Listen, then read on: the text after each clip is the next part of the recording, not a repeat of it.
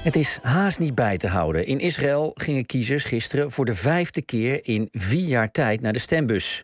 Het leverde een overwinning op voor de Likud-partij van oud-premier Netanyahu. U hoorde het eerder al op deze zender. Die met zijn rechtse en hier en daar zelfs ultra-rechtse blok een regering zal proberen te vormen. En dus waarschijnlijk weer terugkeert als premier. Maar die politieke instabiliteit van de afgelopen jaren heeft wel zijn sporen nagelaten. Contact daarom met correspondent David de Jong in Tel Aviv.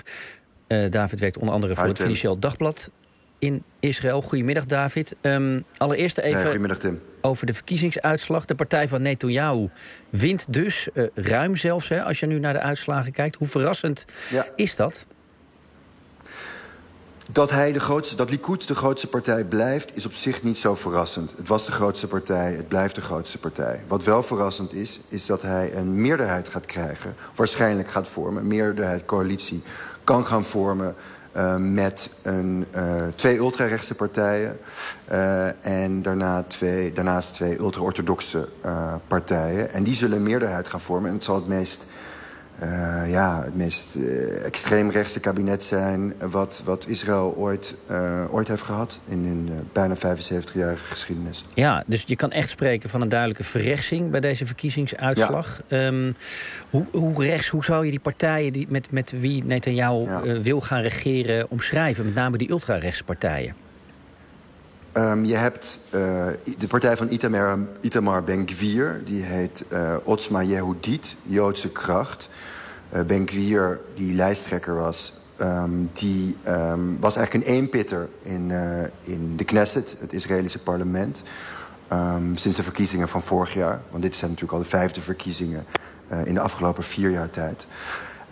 Maar eigenlijk door de oorlog vorig jaar mei um, tussen Israël en Gaza en de rellen die dat in de gemixte steden in de, tussen Israëliërs en Arabische Israëliërs tot gevolg heeft gehad, mm -hmm. is er een enorme verrechtsing, heeft er een enorme verrechtsing plaatsgevonden. Zeker onder de, onder de Israëlische of onder de Joodse bevolking. Ja, en daar profiteren deze partijen dus van. Uh, als we nog even inzoomen, David, op die Ben Kvier. Uh, wat is dat voor iemand? Ja. Wat is zijn achtergrond? Want hij maakt natuurlijk nu goede kans om minister te worden waarschijnlijk... in de nieuwe regering ja, onder klopt. Netanyahu. Zelfs minister van Justitie. Ja, um, hij is uh, getraind strafrechtadvocaat... Uh, maar hij is, uh, is uh, eigenlijk een grote aanhanger van Meijer Kahane. Dat is een zeer omstreden racistische rabbijn... die in 1990 is neergeschoten en, zijn, en vermoord is toen. En, en zijn Kach-partij, um, die nog steeds verboden is in Israël... die um, wilde eigenlijk alle Arabieren uit Israël, weg uit Israël heb, hebben... Um, en, en hij is een ideologische aanhanger van, van Kach... Um, maar hij doet nu, zeker sinds hij in het parlement is gekomen... Um, probeert hij zich um, ja, uh, wat gemodereerder op te stellen. Maar hij, uh, waar er bij demonstraties niet meer dood aan de Arabieren wordt geroepen... maar dood aan de terroristen. Dat is, het, hmm. uh, dat is zeg maar de nuanceverschil waar we het over hebben. Ja, Um, daarnaast, als we even kijken naar de economische situatie van Israël. Uh, het land kampt ook met hoge prijzen, hoge inflatie. Dat zie je natuurlijk in heel veel landen. En bij verschillende verkiezingen in, in, in andere landen zie je natuurlijk dat vaak de oppositiepartijen daarvan kunnen profiteren. Is dat ook een, een groot thema geweest uh, daar bij jou bij, in deze verkiezingsstrijd? Dit jaar eigenlijk niet. Um, vanwege nogmaals de oorlog van 2021... Um, uh, die er tussen uh, Israël en, en de Gazastrook plaatsvond... of tussen Israël en Hamas eigenlijk... Um, is het economische vraagstuk weer wat naar de achtergrond verdreven. Uh, de huidige premier Yair Lapid met zijn partij Yesh Atid... Er is toekomst... Um, um, dat was zijn grote vraagstuk waar hij mm -hmm. op, uh, op uh, aan de macht mee kwam. Maar eigenlijk is dat nu weer helemaal verdrongen. En is weer het, het veiligheidsvraagstuk... wat eigenlijk altijd het grootste thema is in Israël... Heeft weer, en het, nationale, ja. het, eigenlijk het uh, veiligheidsvraagstuk gekoppeld met nationalistische thema's... is weer helemaal uh, ja, eigenlijk het, het, het, het, het hoofdpunt van de kiezer. Ja. En ik, ik zei het net al even in mijn introductie. Het, het land is politiek erg instabiel hè, met al die verkiezingen ja. in de afgelopen jaren. Wat is het effect daarvan, uh, David? Wat, wat voor gevolgen heeft dat?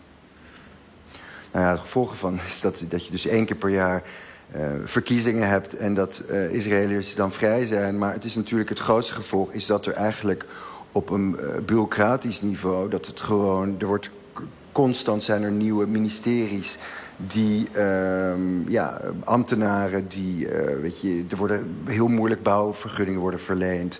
Um, het educatieniveau gaat enorm omlaag. Um, de, kijk, de, inflatie, de shekel, de munteenheid, is al jarenlang heel erg sterk. Dus inflatie uh, is al uh, jarenlang een groot probleem. Al veel eerder dan het in, uh, in Nederland en de rest van Europa was.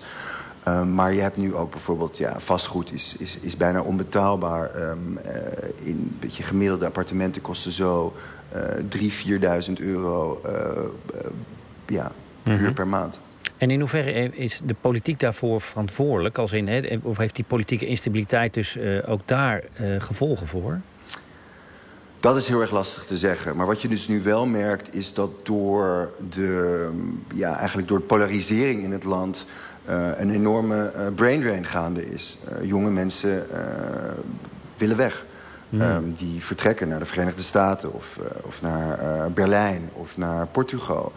Um, en je ziet zelf nu zo, en dat is een enorm taboe onderwerp in Israël. Daar hoor je bijna nog niemand over. Dat zelfs oudere mensen denken van ja, ik, ik, ik wil niet mijn oude dag in, in een land wonen wat, wat zo gepolariseerd is. En dat ondermijnt natuurlijk zeg maar, het hele narratief van de staat Israël enorm. Ja, en daar hebben natuurlijk de gematigde partijen, kan ik me voorstellen, al snel last van. Dat, dat zijn natuurlijk veel van, hen, van hun kiezers die uh, Israël de rug toekeren en besluiten te verhuizen. Klopt, en je merkte, ja, klopt. En je merkte dus ook aan de, aan de campagne van de zittende premier Yair Lapid, die eigenlijk nauwelijks een, een campagne heeft gevoerd. Want zijn hele uh, ja, verkiezingsthema's waren allemaal op de middenklasse gericht, waren op economische vraagstukken gericht. Maar je merkte dat dat dus dit keer eigenlijk helemaal uh, ja, nauwelijks gehoor vond. Ja, um, in hoeverre is het dan de verwachting dat een nieuwe regering Netanyahu... hij is al twee keer de langere periodes premier geweest van Israël... Ja. Um, wel die problemen aan gaat pakken? Of, of, verwacht jij dus inderdaad ook dat zijn regering zich heel erg weer... op die veiligheidskwestie uh, zal gaan richten waar je eerder over vertelde? Ja, nou ja, Netanyahu heeft dus al 15 jaar lang is hij premier geweest. Uh, tussen uh, 2009 en uh, 2021 en van 1996 tot 1999. En met een nieuw kabinet. En kijk, alle stemmen zijn, 100% van de stemmen zijn nog niet eens geteld. Dus uh, we moeten de, de, de exacte uitslag nog even afwachten.